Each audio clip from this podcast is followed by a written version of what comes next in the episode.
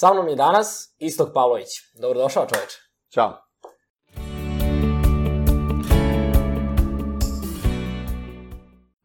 Hej ljudi, Ivan Kosogor ovdje i pre nego što odslušate podcast epizodu koju ste odlučili da slušate, želim samo da vas pozovem da ukucate na Google www.ivankosogor.com, posetite moj sajt i vidite najnoviji kurs o samopouzdanju. Zaista ovu priliku ne želite da propustite ako imate osjećaj da nemate dovoljno samopouzdanja u bilo kom polju.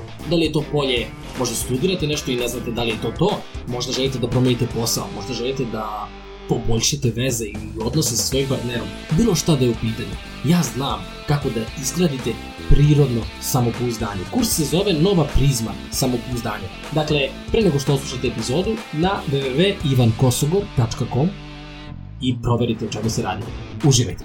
Ćao! Istoče, dobrodošao još jednom. Ja ću na samom početku da, pre nego što se ti sam predstaviš, da ispričam u stvari odakle te ja poznajem i kako si ti pa bar jednom nedeljno pomenut u mom životu. To ide ovako. Prvi put sam te sreo na ekonomskom fakultetu, držao si predavanje. I ja sam se pitao ko je bre ovaj lik? Izlazi kao Istok Pavlić. Prvi put sam čuo za ime Istok, to je jako zanimljivo. I onda, da. I onda stiže, ti izlaziš i u tom trenutku ide onaj Kairon, koji je kao live Twitter i piše od istoka do zapada.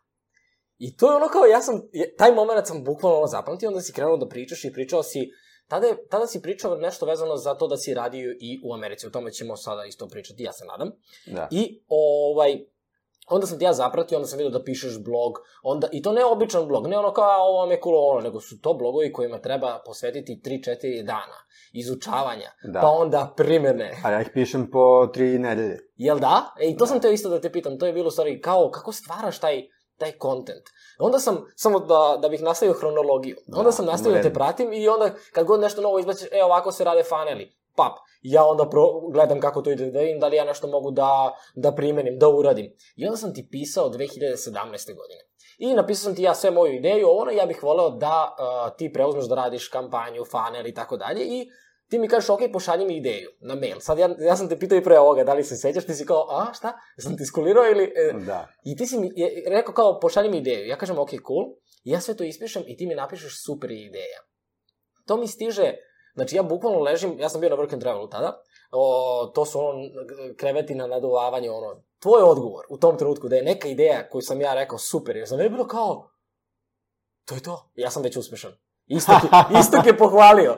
Šta je zanimljivo? To je bilo pre dve godine. 2019. A pazi, to je, to je redkost, jer uh, uglavnom ovaj, hejtujem stvari koje mi ljudi pošlu, jer mislim da ili je glupo, ili nije baš uh, dobar biznis model i tako dalje, ali eto, to tvoje mi bilo delovno okej. Okay. I sad si u toj ideji. Jedna da. od tih ideja u stvari bila i ova priča, podcast sa gostima. I ti mi dolaziš kao gost. To je u stvari što sam ti teo kažem da, ono kao, ja, da. sam, ja sam tad silno želeo da ti sutra budeš, pošto sam ja poznat kao strpljiv. Ovaj, ali dolaziš dve godine nakon toga i ja sam presrećan. I sada još jednom ti poželim dobrodošlicu, kako si? ovo sam morao da kažem, ovo sam se spremao da. Ove, ovaj, evo, lepo je uh, popodne jedno u Beogradu da. i družimo se, pričamo tako o... Uh, spremio se neke interesantne životne teme, jel? Da, da. Jako mi je važno u suštini šta je fora. Uh, inače i ovaj podcast i, i cela priča jeste da pruže neku alternativu, neku zdraviju priču. I hoću da se otkriju stvari, jer danas kad vidi neko Istoka Pavlovića, pomisli malo lako je njemu, malo on to sve ima u malom prstu, tako dalje. Mene zanima, znaš kao, kako je dolazilo to tvoje znanje, kako je dolazilo to tvoje iskustvo, kako, mislim, prosto nisi uobičajen u tom smislu, zašto sam rekao da te pomenjem bar jednom nedeljno, jer svaki put kad čujem marketing, da. ja pomislim na tebe. Pazi, e, ja mislim da je ključno da čovek nešto puno zanima. To je broj jedan.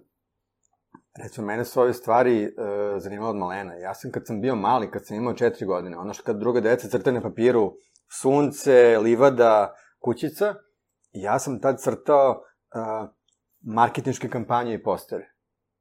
Znaš, uh, ničim izazvan, znači nije me niko terao na to, roditelji i tako, nego eto kao, pa sam crtao a, pravio neke svoje proizvode. Ja sam crtao nešto što je današnji smartfon. Kad sam imao možda, ne znam, pet godina, to je bilo 80 godina. Ove, crtao sam uređaje koje ono, imaju u sebi i kameru, Jel i da? Uh, sve živo, da. I kao to, to je kao moj bio neki dizajn, kao za neki proizvod koji će da bude u budućnosti kao... Zato se ti danas dobro snalaziš u stvari sa tim, sa tim da, e, stvarima. e, i E, pazi, sad, znaš što je glavna fora? Što u ove države ne postoji fakultet za ovo čime se bavim. Mislim, postoji fakultet, uh, jel, ekonomski smer, smer marketing, ali uh, konkretno za ovaj digital i taj, taj neki ugao posmatranja definitivno ne postoji. I onda kad se ovo pojavilo, u stvari prvo se pojavio internet, jel? Uh, I onda ta mogućnost komunikacije na sve strane i to. To je bilo meni totalno ono mind blown. I, znaš, kao tad je bio, ajde, kao Google, pa nešto pokušavaš da naučiš to Google-a, ali jako teško, naravno, nije bilo ni 1% znanja kao što imaš danas. Danas, ono, ne znam, odeš na YouTube, neko ti pokazuje korak po korak kako se nešto radi, ono, za sve. Ove, a tad imao i neku, znaš, još veću magiju, jer je bilo kao jako teško doći do relevantnog znanja, znaš. I, ove, tako da, ali ključno je da te zanima i da e, stalno e, koristiš priliku da gledaš šta je to što je ono next big thing na tom, na tim medijima. Znači, da uvek ono, uh, se napređeš, da nikad ne ostaneš ono kao iza, da te pregazi neki novi talas ili bilo šta. Nego da ono prosto gledaš ono šta se dešava u svetu oko tebe i da se prilagođavaš. To je neki, neki moj recept. Tako ti radiš u stvari. To je, jeste, ja, skoro je nešto bilo, mislim skoro, to je bilo možda pre godinu dana, nešto si radio sa nekom bankom, pa nove aplikacije, novo izbacivanje. A kako? Da. Uh, ok, cool je to što si rekao, morate zanima prosto da bi ostao tako, tako dugo u toj priči. Ali ti si, znaš, imaš mnogo ljudi koje zanima marketing, a ti si napravio priču da kada mi neko danas kaže, e, uh, volio bi da se bavim marketing, ne znam koji faks da upišem, ja bih rekao idi na kurs kod, kod istoga. da, kako se desilo? Koja je razlika, znaš kao, samo me zanima i ja sam profesionalac u onome što me zanima. Da. Uh, poenta je kad se pojavio koncept bloga. I sad ja sam vidio da kao, aha, blog, to je kao ti pišeš nešto na tom sam blogu, ajde ko napravit ja taj blog čisto da bi ono imao, eto, kao blog, nisam uopšte imao nikakvu ideju i plan da ja imam bilo kakvu popularnost ili bilo šta, znači, nego sam napravio blog čisto ono kao, da vidim kako se to radi. Uh, I, i onda krenem da pišem, e sad, fora je bila, ja kad nešto naučim na tim uh, online uh, kursevima, gde god skontam neke fazone za marketing, uh, ja uzmem i napišem to pre svega da bi ja naučio bolje. Znaš, jer to je ono kao, a, ne znam da li to ljudi imaju taj fenomen, ali ti najbolje nešto naučiš onda kada nekom drugom to objašnjavaš. Da, da. Znaš. I ja sam to još na faksu skapirao, da najbolje naučim te predmete i to na faksu kad meni dođe neko kao, ajde, objasni mi neko ko je tek počeo da uči, ja sam na pola učenja, i onda kao, e, sedi kao, sad ću ti objasnim, i onda se meni razjasni, razjasni kroz to objašnjavanje njemu ili njoj. I onda kontam, ajde ovako, ja ću da pišem moje blogove, gde kao objašnjavam kako se, ono, bukvalno neki uh, ultimativni vodič za to, to, to i to, za razne teme. I kroz to ću ja nekako to svoje znanje da onako uh, ove, unapredim da, da, da sebi razjasnim. E, snima jedna druga stvar, to je da uh, ja to da uh, napišem na jedan način koji to vidim da stvarno ljudi primećuju. Uh, ne, ne ume svako da piše tako.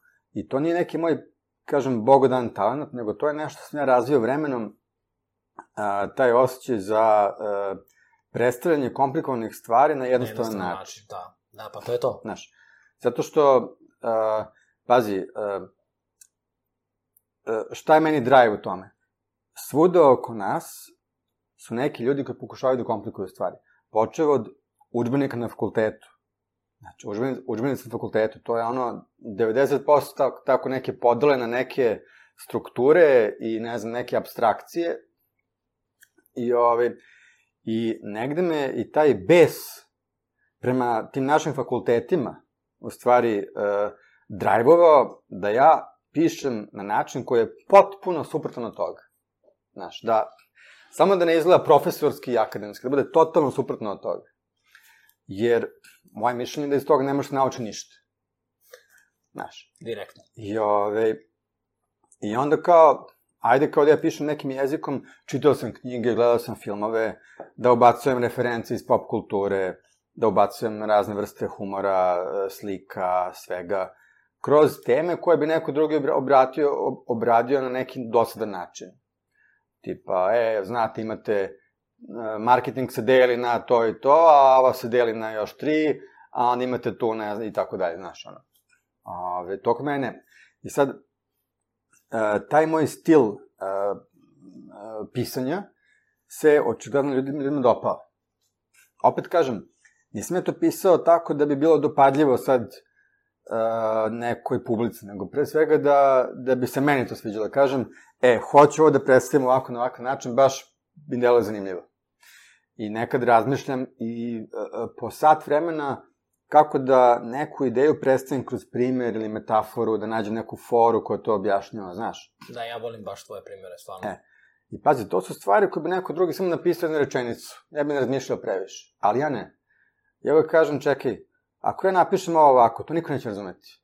To, to bi napisao svaki profesor na fakultetu u svojoj knjizi, tako i ono, apsolutno nerazumljivo.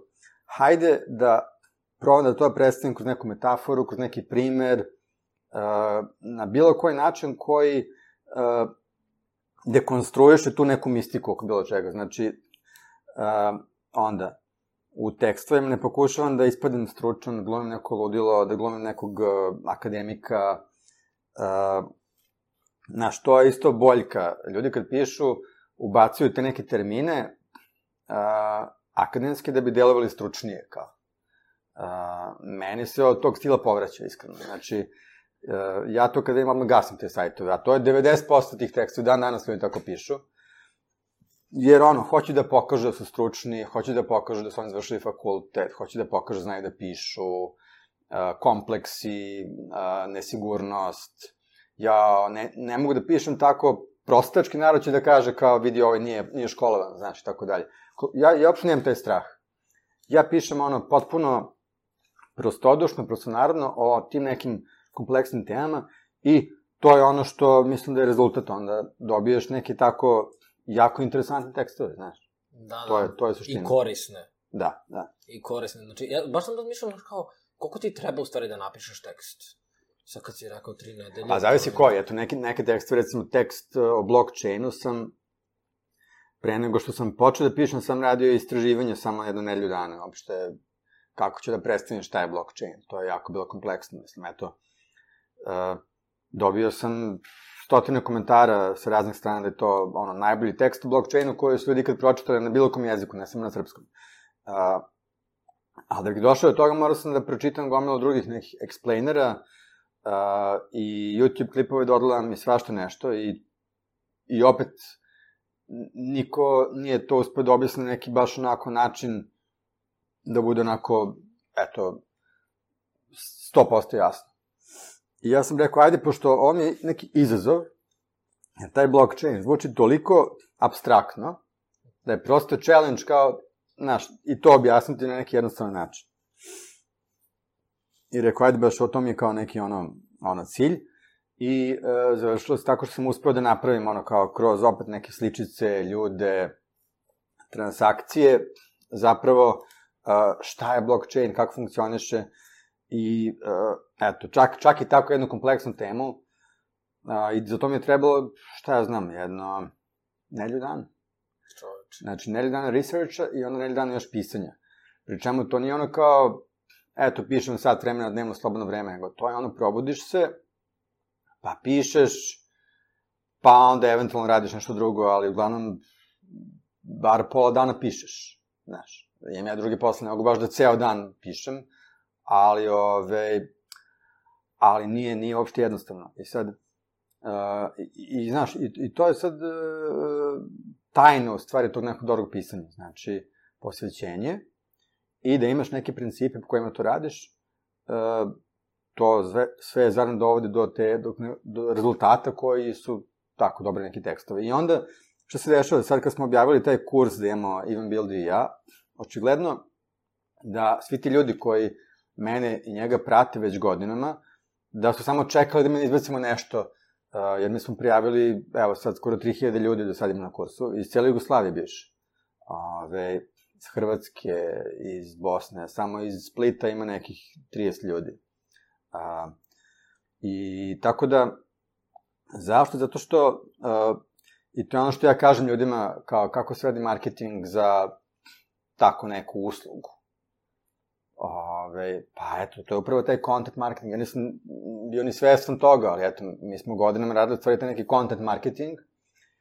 I onda kad smo izbacili neki naš kurs, u stvari taj naš content marketing je uh, jedina reklama koju smo imali za taj kurs, jer ne opisuju se ljudi na to što smo pojavili i rekli, je, znate, mi smo neki eksperti, pa ćemo da vas naučimo tome i tome, nego zato što već imaju ovaj, e, izgrađeno poverenje na osnovu našeg kontenta koje smo postavili godinama. I to je vrlo jednostavno. Ovaj, zato, mislim, ta reč content marketing, to je danas toliko ono e, isfurano i svaka organizacija priča koja treba da izbacimo kontent, ali kontent koji se izbacuje je ono, negde je super, negde nije, zavisi. E, kažem, sve od toga koliko uložiš vremena svog i način na koji se taj kontent ili piše, ili snima, ili režira ako je video. A, znaš, treba se prati trendovi i za video isto, znači, ja sam krenuo video malo. A, prvo sam mesecima gledao youtubere da vidim koji je tu sad stil režije, produkcije, naracije, znači nije to isto kao TV, znaš. Ove, to se tačno vidi kad neko izbacuje video koji je ono, televizijski na YouTube, i to nikad ne prolazi dobro, i koji je ono neki youtuberski stil komunikacije. Tako da, to je, to je mnogo važno da e, razumemo taj jezik medija na kojem pišemo.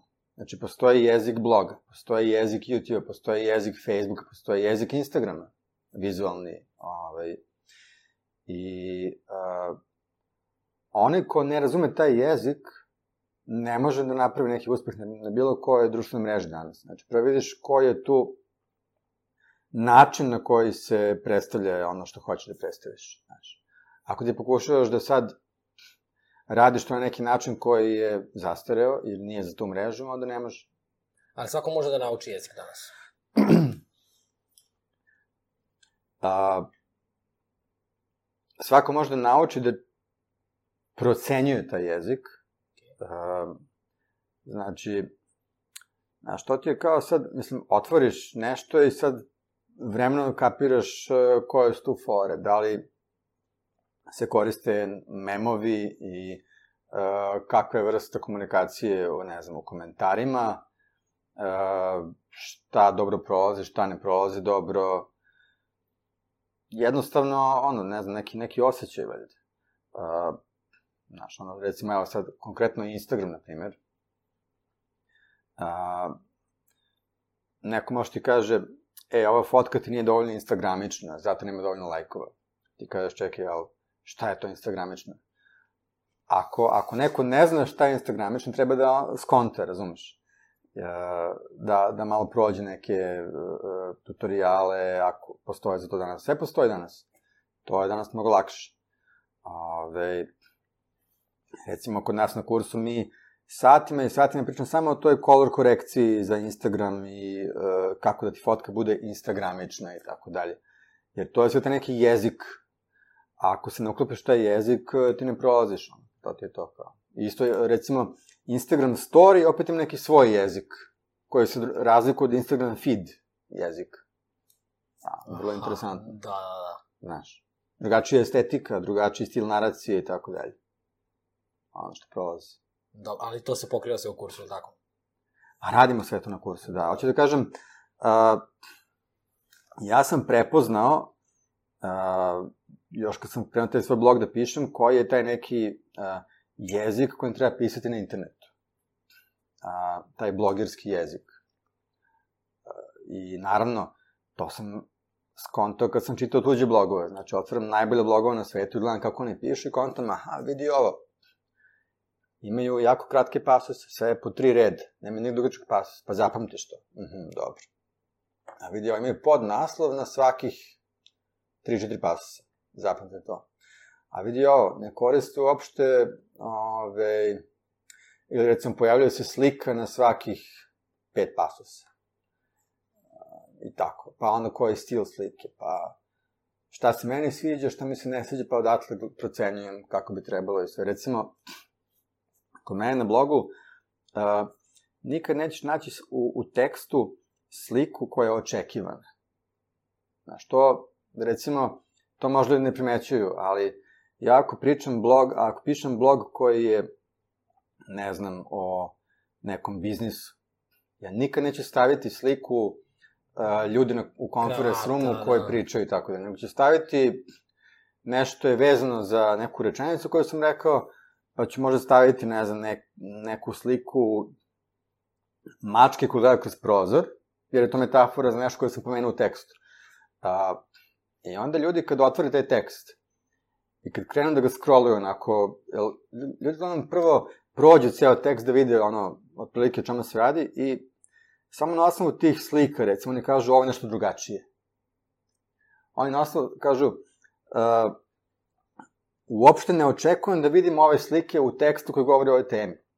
I recimo, to ih zainteresuje da čitaju dalje. Aha. Znaš, uh, znači, taj moment da uvek uh, ti i podnaslovi, ono što ljudi gledaju na preskok i slike i sve, to se mora ti bude potpuno neočekivano da uh, ljudi koji inače čitaju tekstove iz te oblasti, uvek su navikli da gledaju iste slike.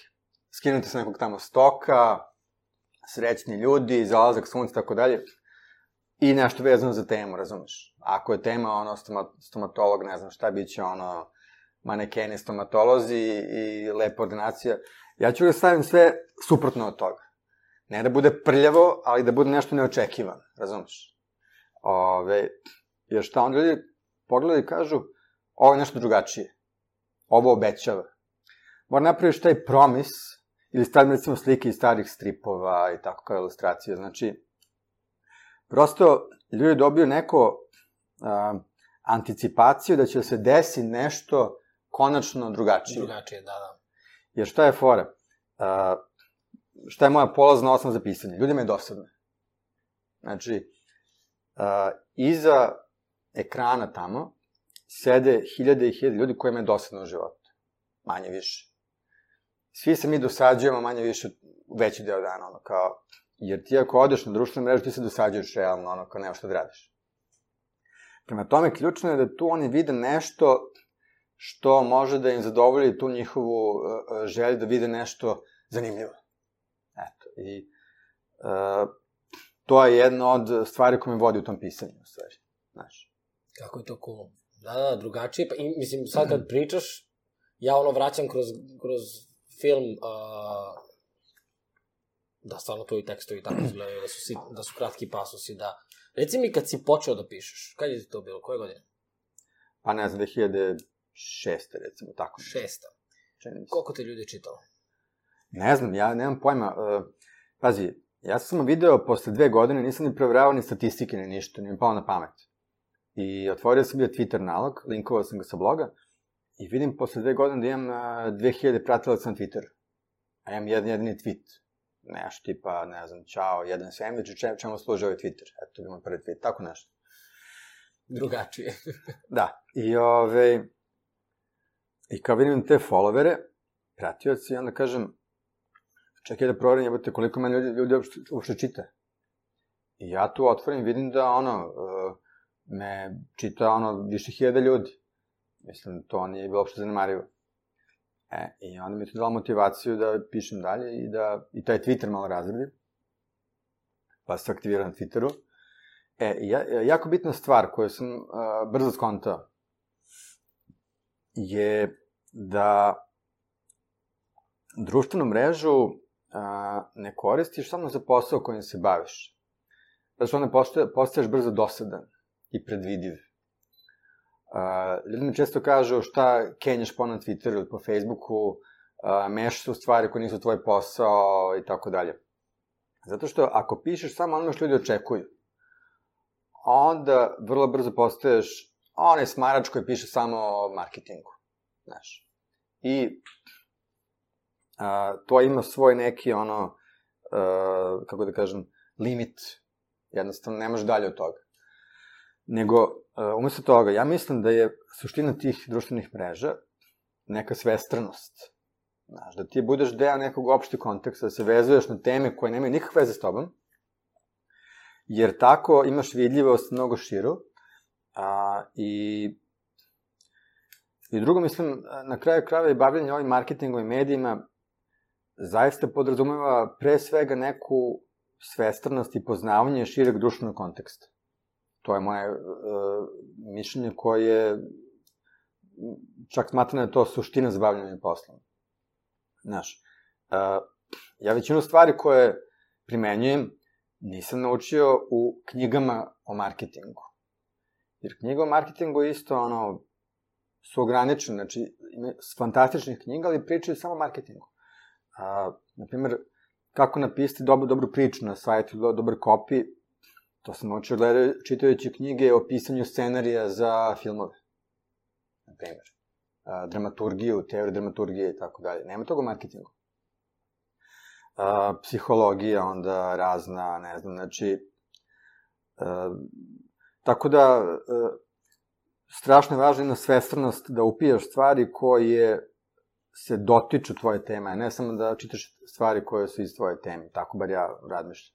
Da, da, pa dobro, znači. ja kad gledam neki, neka tvoj status neki na Facebooku koji nema veze s marketingom, vidim da se tu ono... Da, i onda pitaju ljudi o, o, da, da. kao odakle mu ovog deo iskopao i tako da, što uh, postoji meni ta želja da stalno kopam po nekim ivičnim temama koje su uvek pune interesantnih primjera I drugo, i to je isto jako važno, znaš, na mrežama, recimo, na internetu.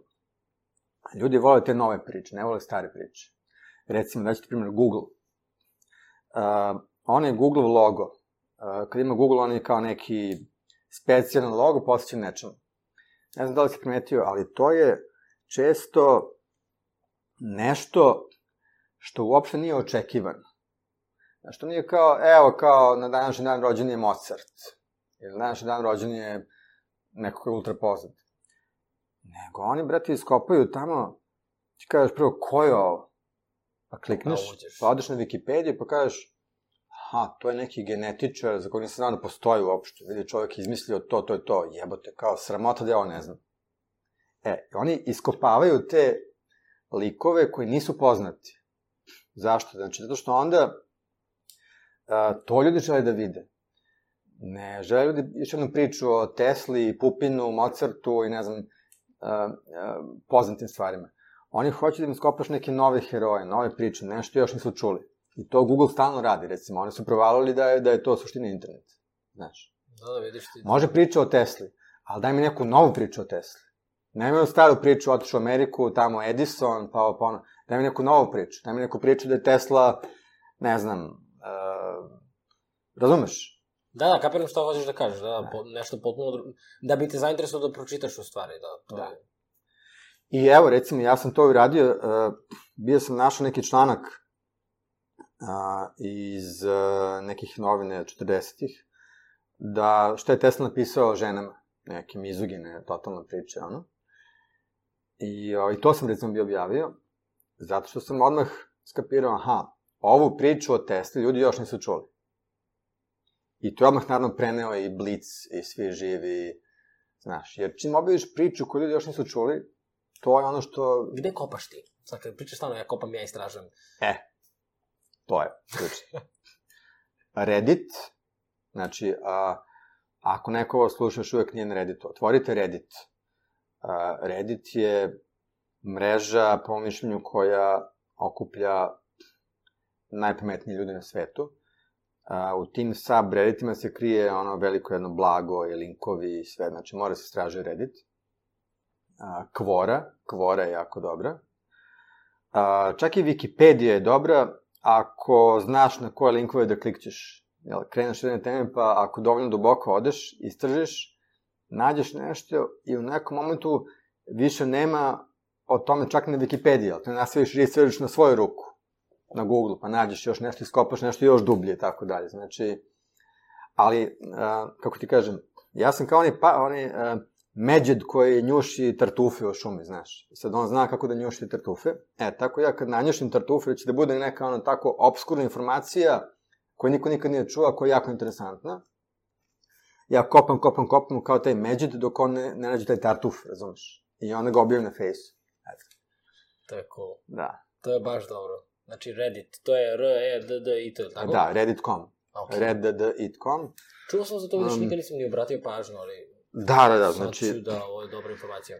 Mislim, nije samo Reddit, možda i na Google nađeš masu stvari ako znaš šta da ukucaš u Google. Znači, ne znam, vremenom valjda to čovjek nauči. Ove, Koliko si dnevno na društvenim mrežama, Google, na internetu, stvari? Bez, da ne pričamo sad o poslu. pa ne znam, možda 2-3 sata dnevno, tako. Na primjer. Misliš da je to okej? Okay? Šalim, šalim, šalim. Ne, okej, okay, sigurno. Uh, pa zato što to, znaš, neki deo tvog... Bolje, brate, to nego da, ne znam... Ne vidim to kao izgledno vreme. Što, zato što ako znaš da čitaš prave stvari, i nije samo društvena mreža, nego je i internet, i YouTube, i... Ne, dobro, šalim sam se. Znam, na, ja, ja sam skoro objavio nešto kao da bolje da čitaš knjigu nego da gledaš seriju. I dobio sam Da. ono 5-6 poruka kao odmah, znači posle minut. Zašto misliš da je loše gledati seriju? Ja sam bio u fazonu, ne, ne, ne mislim da je loše, možda ti da gledaš neku seriju, to je okej, okay, to je cool. Da. Ali ne treba da gledaš seriju 12 sati dnevno, 5 dana u nedelji i da govoriš kako nemaš, ali, znaš kao, Da. moj život je... Znaš, mislim da je dobro. E, najbitniji je diverzitet. Da a, gledaš seriju, pa onda čitaš knjigu, pa onda gledaš neki YouTube kanal, znači da skupljaš iz raznih izvora, Izvora, a, je. informacije. Jel čitaš knjige? Beletristiku, moram da priznam, već dugo ne čitam. Čitam samo, jel što kažemo, neke kao a, stručne knjige. Dobro. Ove, a, ali Jel bi izdvojio neku knjigu sad, recimo, ne znam, gleda neko ko bi želeo, ko bi želeo da se bavi marketingom ili kome je potrebno da na, nauči nešto više o marketingu? Šta ti prvo padne na pamet? knjige o svet godina, uh, sve, onda od Tim Ferrisa 4 Hour Work Week, Da, i da. dalje relevantna knjiga, uh, ja mislim. A, onda Trust Me, I'm a Liar, uh, ili Ver mi, ja sam lažu, prevedena je kod nas ta knjiga. Je li ima kod nas? Aha. Da. Od, uh, kako sam zove, Ryan Holloway, čini mi se. Generalno, znaš kako, odem na Amazon i uradim research šta je iz raznih oblasti, koje su top knjige ove godine. I sve te koje su top knjige, onda skinem na Kindle. Onda krenem da čitam, ako vidim da me smara u prvih To sam te, jel čitaš od početka do kraja, ili imaš taj trip da moraš, ili... Ne, ne, ako, ako vidim da smara, ako vidim da autor ponavlja istu misao na pet strana, a mogu da kaže u dve rečenice, onda kao skipujem. Ako vidim da i dalje piše na isti način, onda celu knjigu ono, preskočim i dalje, ono, čitam i tako dalje. Znači, a, Znaš, ima, ima puno knjiga koje su fantastične ideje, ali recimo mogu to da se kaže malo sažetije i tako dalje, pa... Ako to bolje zna o tebe u ovom trenutku. A da, ali dobro, mislim, Da, cool je. Razumem, ja to razumem, kad ti pišeš knjigu, znaš, evo Malcolm Gladwell, recimo, njegove knjige su genijalne, ali ove, svaka njegova knjiga može da bude, recimo, bar pet puta kraća, ali, znaš, onda ko će da kupi knjigu koja ima 50 strana, Da, da. znaš. A kaži mi, uh, sad malo da se vratimo na, na priču, pošto sad smo pričali kako tražiš znanje, a da se vratimo na tvoje iskustvo koje je... E, izvini, evo, kad smo kod toga, Ajde, da ne da, zborim. naravno. Uh, ima jedan super sajt, zove se changingminds.org. Changing my... Ajde, to, to ću da stavim kao da izlazi. Da, changingminds.org. Sajt je uh, izuzetno ružan. Izgleda kao ono iz 97. godine. Ali je fantastičan. Uh, tu je taj lik iz svih tih knjiga gde neko na 200 strana ponavlja jednu ideju koja mogla da sumira na dve strane. E, on je uzeo iz cele teorije komunikacije i a, uopšte uticaja na a, kako menjati mišljenje ljudi i tako dalje. Znači, sve što je vezano za neke komunikacije, marketing i prodaju i tako dalje, je a, složio neke kategorije i bukvalno svaka ideja ono klikneš i on ti objasni na pola strane ono kao suštinu, zašto je to bitno i to je to. Super. Znaš, a, tako da, super sajt jedan. Drugo bih preporučio ljudima ko hoće da e, se bavi takođe komunikacijama, marketingom i tako dalje, e, kanal se zove na YouTube-u, zove se Charisma on Command. Uh, Charisma on Command. stavit ću, stavit ću linkove Da, ispod e. epizode. I taj lik fantastično objašnjava uh, razne metode komunikacije i veštine kroz uh, pop kulturu. Znači, on uzme, e, evo recimo ovde u ovom intervju, ne znam, uh, Robert Downey Jr. je rekao to i to, kad ga ovaj pitao to i to, vidiš kako on dobro odreagovao, umesto da, ne znam, on njega napadne, on je u stvari rekao ovako i e, ti vidiš ili recimo analizira Donalda Trumpa, ne znam, razne... Ove... Znači, na živom primjeru. Da. I ti tu, ja sam iz tih njegovih klipova ukapirao neke stvari koje čak iz knjiga ranije nisam toliko dobro ukapirao kao iz njegovih tih analiza. Fantastičan je na kanal. Mislim da to je recimo YouTube kanal koji bi svako trebao da gleda. E, drugo što bih preporučio, e, ko hoće da radi bilo koje vrste explainer videa, to je Vox, žuti jedan kanal, to je ovaj fantastičan je Vox.com, uh, mi je žuti logo i oni imaju, uh, po mojom mišljenju, najbolje te explainer videe. Znači, ako hoćete nekom nešto, spinujete neku ideju i tako dalje, njihov stil naracije je po mom mišljenju trenutno najbolji na svetu za YouTube. Da. O, super, to ću da. ja da gledam. Da. To je dobro. Imaš još nešto tako? Ajste, ja sam, nisam, nismo ni došli do tog dela kao... Neću da preterujem, ali evo recimo, znači, Vox kanal, pogledajte njihove explainer videos, ne morate sve, ali idite nazad, pa ono šta je delo interesantno kliknite. Ove, I taj Charisma on Command je fantastičan kanal. Super. Zaista. Hoćemo da pričamo malo o tvom iskustvu i Može. cijeloj priči, zato što koliko god da sada, da, ja da, da recimo ne znam za tebe, da sam slušao, ja bih bio poslovno uvolju ovo istraživač, ali ti si u stvari velika radilica i hajde malo o tome, u stvari, uh, kako kreće to što Čekaj, prvo znači krenuo se pišeš blog. Šta si radio u tom trenutku? Koji je tvoj bio posao u tom trenutku? Sve okej? Okay? Da. Aha, okej. Okay. Možeš malo vode da... Važi. Ove, a, moj posao je a, e, bio zapravo, ja sam krenuo da se bavim web dizajnom. To je bilo negde 99. Znaš. I počeo sam da pravim flash... Sve okej, sve okej, okay, slobodno.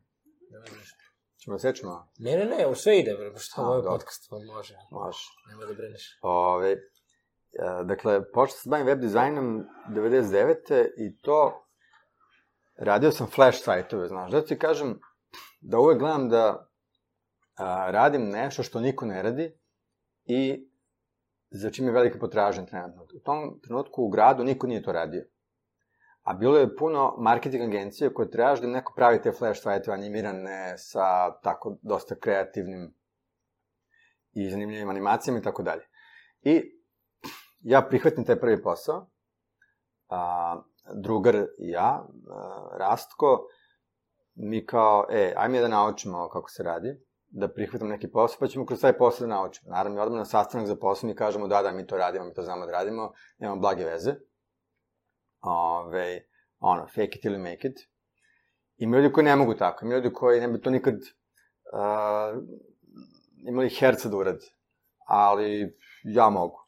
I, ove, I mi kažemo, mi ćemo da završimo to sigurno za mesec dana. Mi stvarno to deliveramo za mesec dana, napravimo u to vreme najbolji sajt koji je postao u Srbiji. Znači, bio prepun animacija, muzike. To je bilo vreme kad su tako sajte bili onako redkost jedna. Danas više ne radi. Ove, Ja sam vremenom uh, izgradio brend u tome, znači kad treba da se negde radi neki ozbiljan taj animirani sajt za nekog klijenta, uvek po agencijama u gradu zovu mene da, da, kao niko to ne zna da radi toliko dobro. E, i onda negde 2003. četvrte, ja saznam da postoji internet marketing. U smislu kom? da ti web sajtovi, da to nije samo lepa prezentacija, da bude kao lepo dizajnirano i tako dalje, nego to može da služi, stvari imaš ti svoj biznis na netu. I meni je to bilo uh, mind blown. Rekli su mi kao, znaš, im, kao upoznat sam neku devojku u Amsterdam, ona tako putuje po svetu, ima laptop i radi tu neki posao, kao, kao neki, neki marketing, kao digitalni marketing. Ja kao, čekaj, čekaj, stani, ja to malo istražim, kao, hoću ja to tako, znaš. E, vrlo brzo sam skapirao da to ne ovde nikuda, kao sad sedim i radim te sajtove za neke klijente, kao mislim, šta, okej, okay. uradiš, dobiješ pare, potrošiš pare i opet ništa. Ove, ovo mi je delovalo mnogo interesantnije, radiš neki svoj biznis onda. I krenem ja da istražujem tu naravno što se dešava i tako ja skontam da postoje u stvari ono, čitava industrija iza toga, da ljudi prodaju preko njih da postoji i affiliate marketing i svašta tu postoji. Sam napravio moj, moj prvi sajt, koji u to vreme a, tražio sam na Google fraze koje se puno traži. Našao sam frazu uh, Balducci Levitation. To je neki uh, trik mađonečarski koji se izvodi kao tako što ti kobajage levitiraš pred publikom, stvari fore da kao staneš iz nekog ugla kao. I uh, nema konkurencije na Google, a traži 30.000 ljudi dnevno taj trik, kako se izvodi. Ja kažem, ok, ja ću sad da napravim jedan infografik i uh, tutorial kako se taj trik izvodi i stavit ću dole affiliate link da ljudi kupe kompletan neki kurs za mađoničare kao oni koji dođu preko Google na taj trik. Znači, ja recimo tad nisam znao uopšte šta je sales funnel, prodajna levak.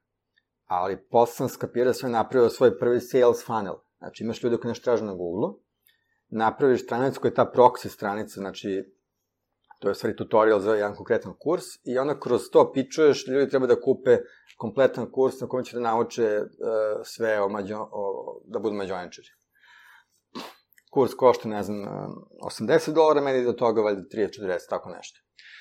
I, long story short, uh, taj moj tekst se rankira na Google, bude na drugom mestu, ispod Wikipedije, um, i krene mi dolazi trafik sa Google-a, ja napravim sajt koji meni već prvog meseca krene da donosi 500 eura mesečno pasivnih prihoda.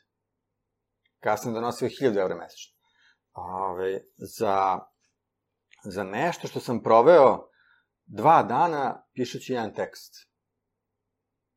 Neko izdaje stan u Beogradu za 500 eura. Da, da. Znaš, ja sam pisao jedan tekst i napravio sam isto tako pasivne prihode. I, naravno, pri čemu, meni stižete prvi ček i ja se mislim, brate, da li je moguće da, da, da ovo može ovako? I kao odlazim u banku, i uh, komercijalno, sećam se, i sad na sve kao, sad ću tamo da dođem, se pojavim svojim čekom, i onda će mu kažu, ej, dečko, ne može to, tebe su amerikanci nešto zeznali, to ne može. Međutim, meni unuče taj ček. E, lupim po stolu, izvini. Taj osmah, ne, sve okej. Okay. Meni unuče ček.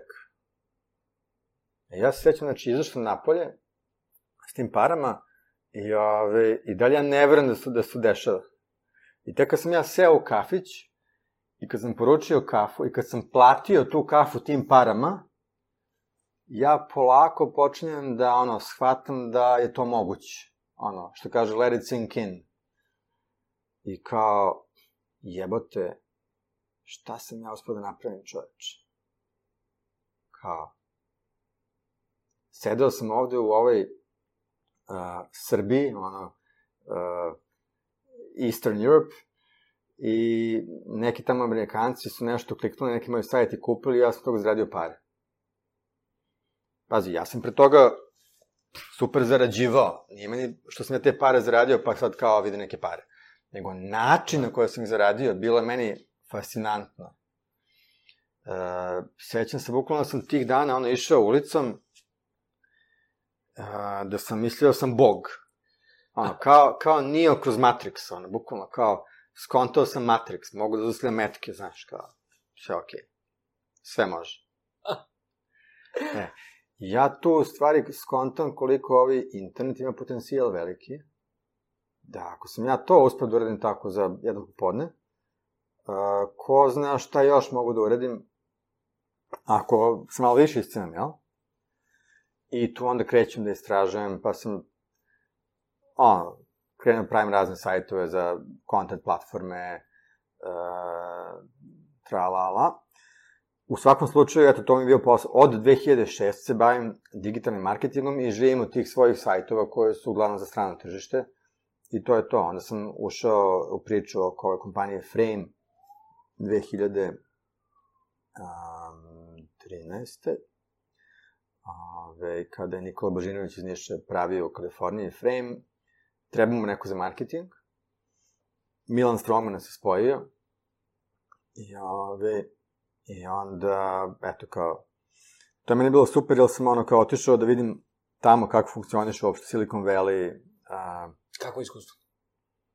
Pa, definitivno je Kako to sam nešto čekao što... da pomeneš ovo i da kažem odmah kako iskustvo u tome baš. Da, definitivno nešto što treba svako da uh, vidi, svako ko je u ovom poslu sa digitalnim medijima. Uh, mislim, od čega početi? Način na koji se tamo razmišlja, znaš, tamo, da ću ti, ti pričaš konobaru u kafiću, odnosno, konobar ti pita čime se baviš, u, recimo, u San Francisco ili u San Jose, bilo gde u Silicon Valley. Ti kažeš, ovaj, well, um, I'm in a cloud computing company. A konobar ti kaže, which kind of cloud computing? A on ti objašnjavaš u detalje što ješ i on razume.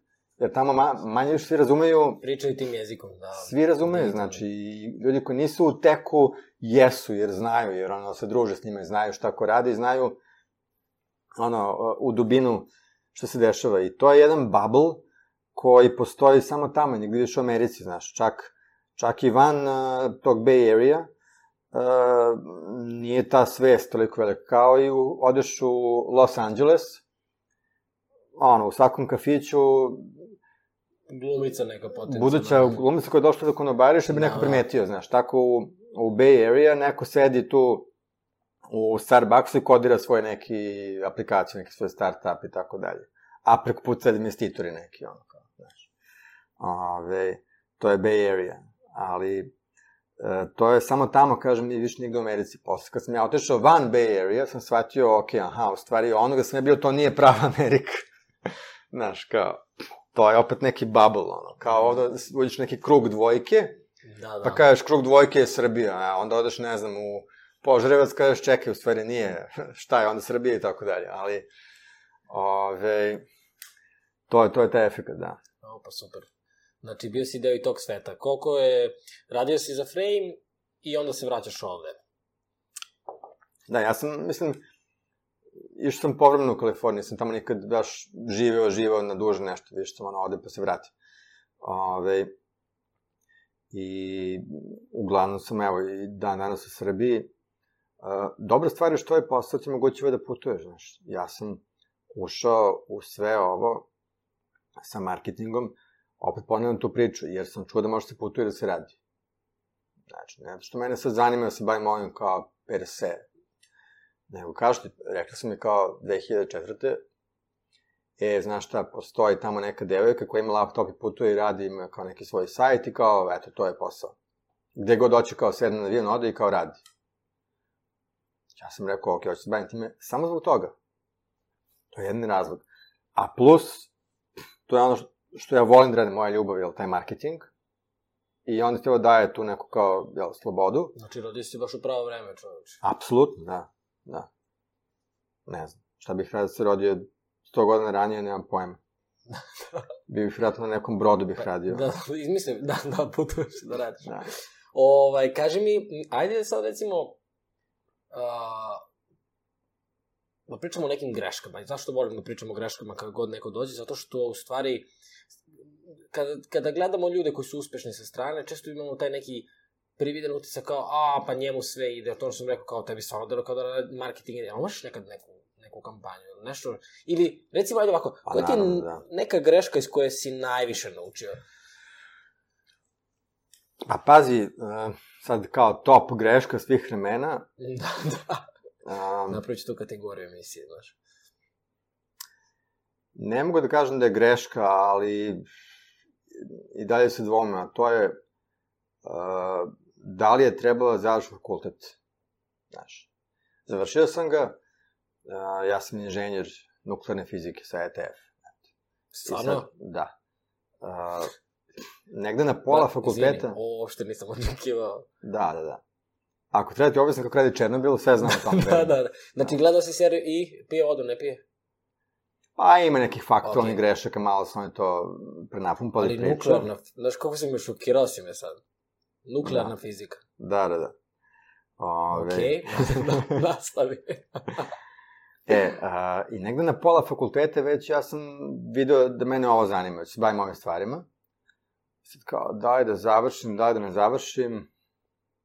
Rešio sam da završim. Ispičio sam još dve godine života ne radeći svoj posao ovaj, nego završavajući faks, koji mi je apsolutno, eto, jedina korist nego što mogu da skontam o čemu pričaju u seriji Chernobyl. E, znaš kao.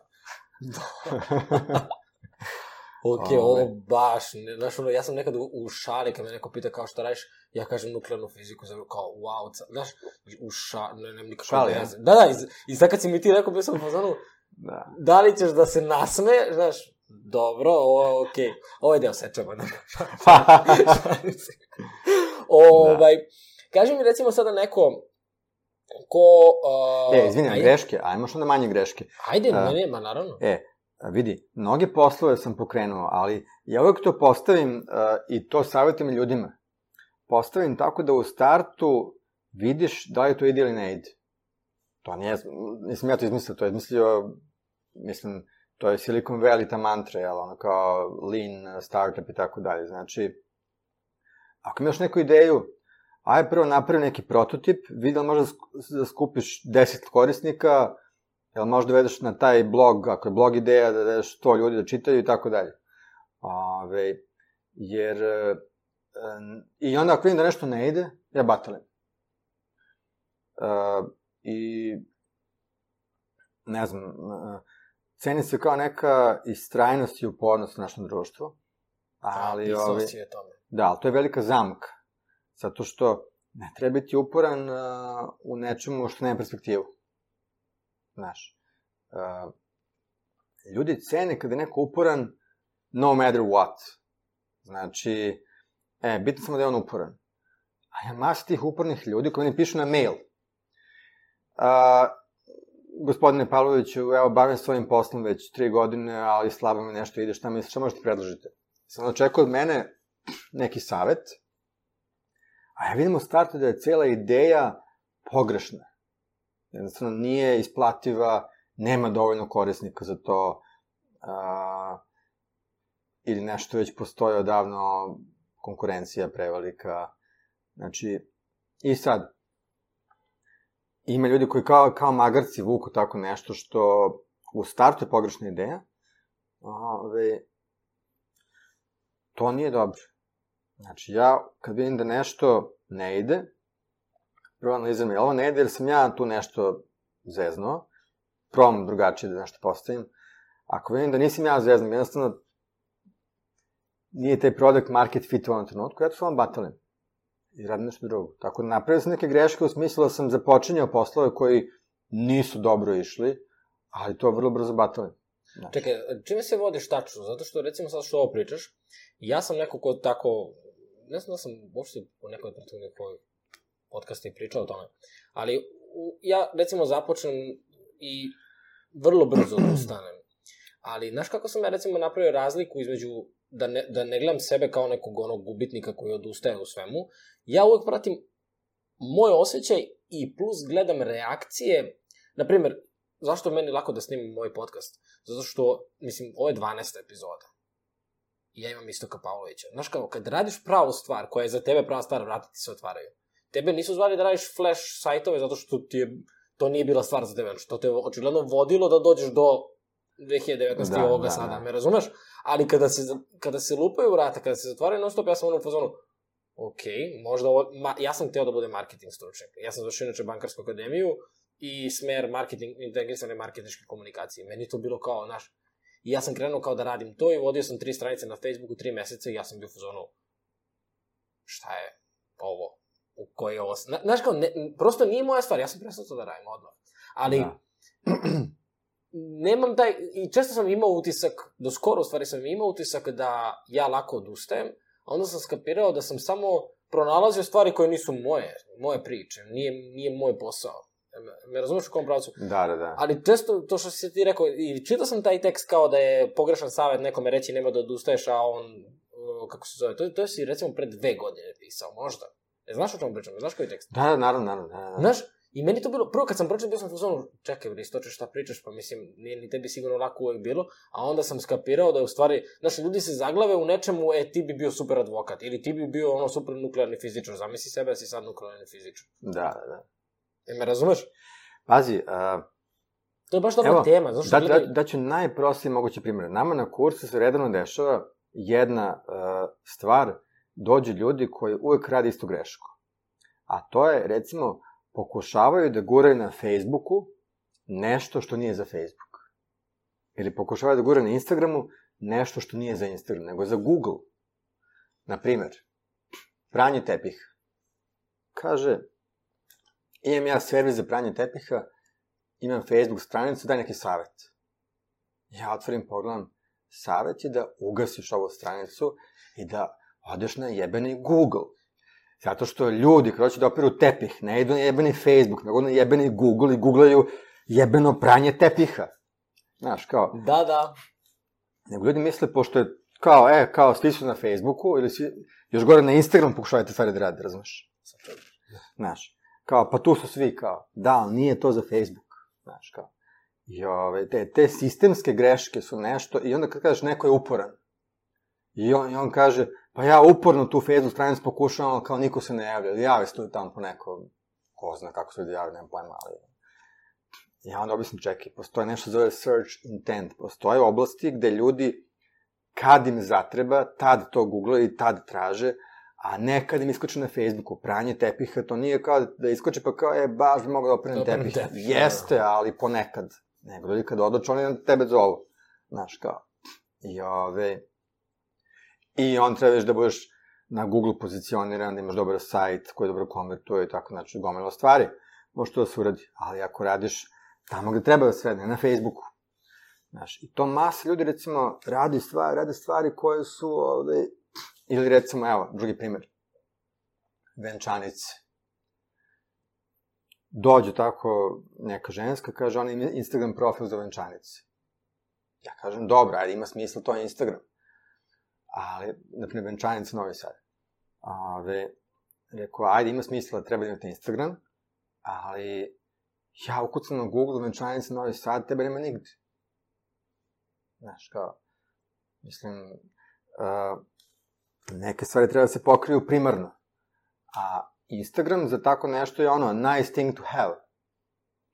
Ove, tako da, i u ovom poslu to najvažnije. Znači, ako neko od početka maši poentu, e, recimo, ja danas to mogu da odmah vidim. Nekad sam ja pravio te greške, pa sam se naučio pameti, znaš. Ove, te sistemske greške. Da, da, Tako da... da- nisam ni razmišljao ovo sad kad pričaš. A da, sistemska greška, znaš. Sistemska greška, kao kad neko kaže otvorit ću restoran i otvori ga na pogrešnoj lokaciji, jednostavno niko ne prolazi, znaš. Ili ne znam, ili otvoriš restoran veganske hrane tamo gde ljudi nisu vegani. Kapiraš što ću ti kažem. Znači, Da, da. E, a s te strane je digitalni medij mnogo lakši, jer za restoran ti treba sad da ono, opremaš prostor, da uložiš tu ogromno vreme, novac i energiju, da bi onda skontao da to ne ide. To je vrlo zeznuto, znaš. E, onda ljudi i teže odustaju. Postoji u ekonomiji nešto se zove ta psihologija biznisa. Gde je ona ta psihologija kao uh, uloženog tvog vremena, pa ti je žao uloženog vremena, ti misliš sad ako zatvoriš to, da će svo ono vreme koje se složi ti propadne to vreme. I onda ideš I i dalje. vaguju, onda ljudi i dalje idu dublje i dublje u nešto što nema smisla, jer im je žao vremena, a što dublje i dublje idu, onda još više vremena dolazi, pa im je još više žao tog dodatnog vremena, i to je jedan začarani krug. Ove, e, a sa digitalnim medijima je relativno lako dići neki sajt ili tako nešto. Ja za razne ideje mogu da dignem sajt u roku od nedelju dana, da pustim neki trafik, da vidim da li to uopšte ljudi kupili. Znaš, to sam kod Tim Ferrisa pročitao u knjizi. Znači, digneš sajt, a, ne možeš da imaš proizvod kod sebe. Kad neko klikne na kupujem, reci, e, nema trenutno. Samo da vidiš da li postoji a, potencijal, da li bi to neko kupio. Pa ako njih 20 je kliknulo na kupujem, e, onda nabavi stvarno da imaš proizvod. Znaš, kao. Aha, znači to...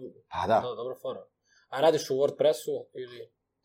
A, konkretno te landing stranice u poslednje vreme sam počeo da pravim i to svakom preporučujem, zove se Elementor, to je plugin za WordPress. E, to, da, video sam Znaš. to, to mi is- iskače mi na Facebooku reklama za element. Da, Sad Kao- planiram da napravim uh, na YouTube jedan tutorial kako može svako da napravi sajte u tom elementoru. Znači, nema više onog kodiranja HTML bilo čega, sve ti ima na drag and drop. Da, pa tako, ja sam naučio, uh, malo pre si pričao za, za, za YouTube, Da. ja sam, moj sajt je peti sajt koji sam napravio, moj, zato što nisam bio zadovoljan, i ja sam na WordPressu bukvalno sedeo ono 30 sati, imaš tutoriala raznih, u, moja tema se zove Team Forest, ona osnovna, a,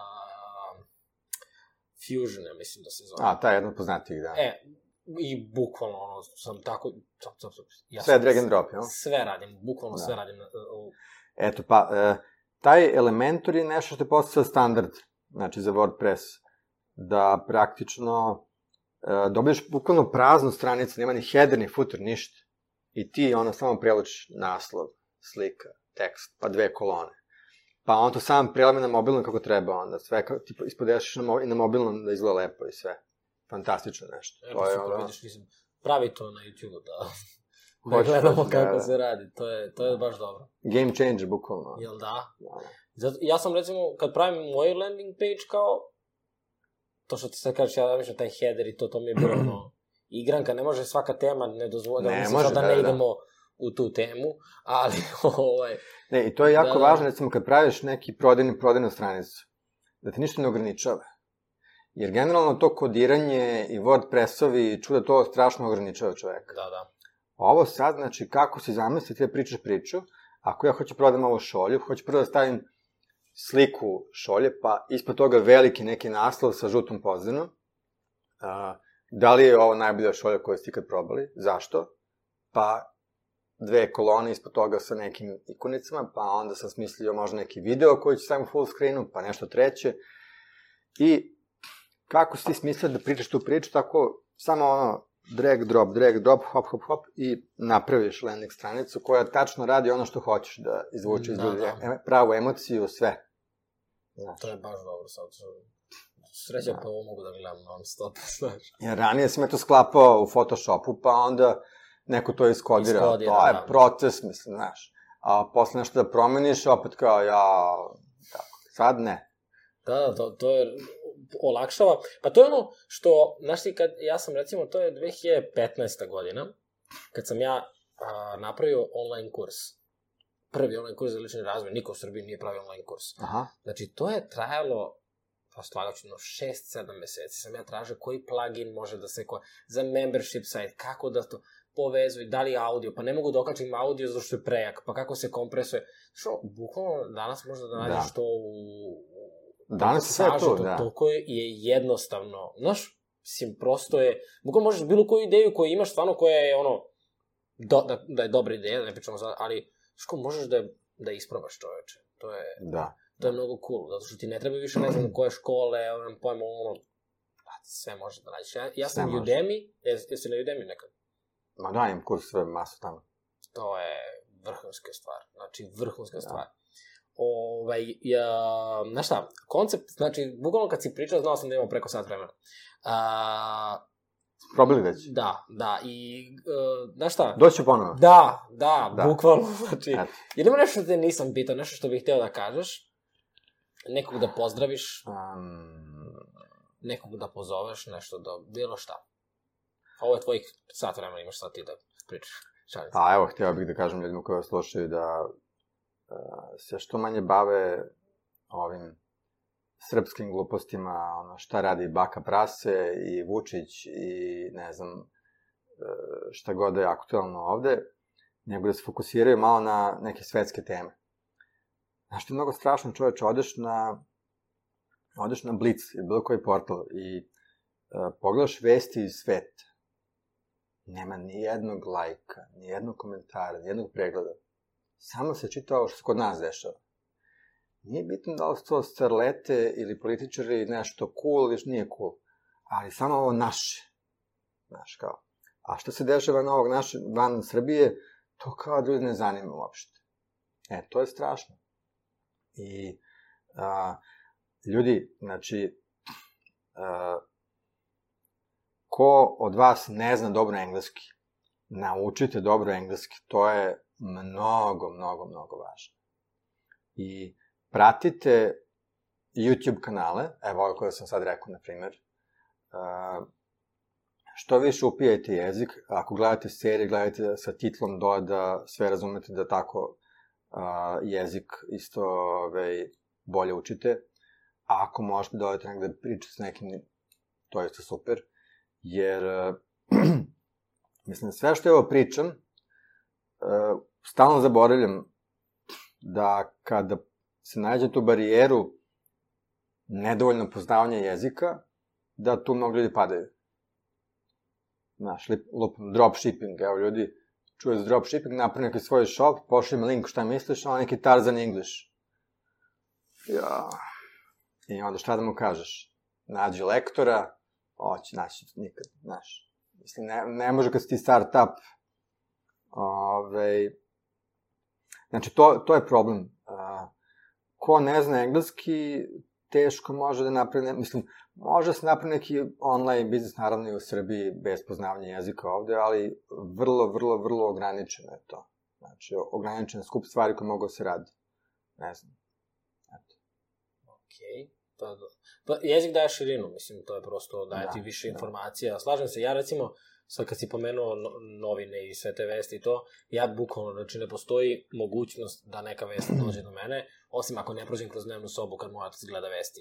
I da. bukvalno, znači blokirano sve na Facebooku, nema aplikaciju, ne želim da mi takve informacije, znaš kao, ja ne mogu da, da radim s tim informacijama. Prosto me, da. samo može da me uznemiri, da me izbaci iz takta ili, znaš kao, Tako da, ovaj, to je super. Želim da ti poklonim knjigu, sad kad već pričamo o, o vestima i sve to, knjiga se zove Život i radost, ovo je moja druga knjiga. Dobro. Ovaj, I to je bukvalno alternativa na, na vesti i na sve ovo. Ovaj, tako da se radujem da čujemo tebe Recenziju. Da, pa da, pa da. Može. Ovaj, imam poslednje pitanje za danas, pa se vidimo vi uskoro, pošto možemo da otvoramo mnogo tema. To je šta te čini danas srećnim? A, pazi, sreća je jedan pojem koji je vrlo, uh, evo prilike to kažem sad za kraj. Uh, vidiš, cijela poenta sa srećom i u stvari jedna greška u razmišljanju vezi sa srećom, da, da je sreća nešto što treba da bude trajno. Ako ti nisi trajno srećan, da je to onda neki problem.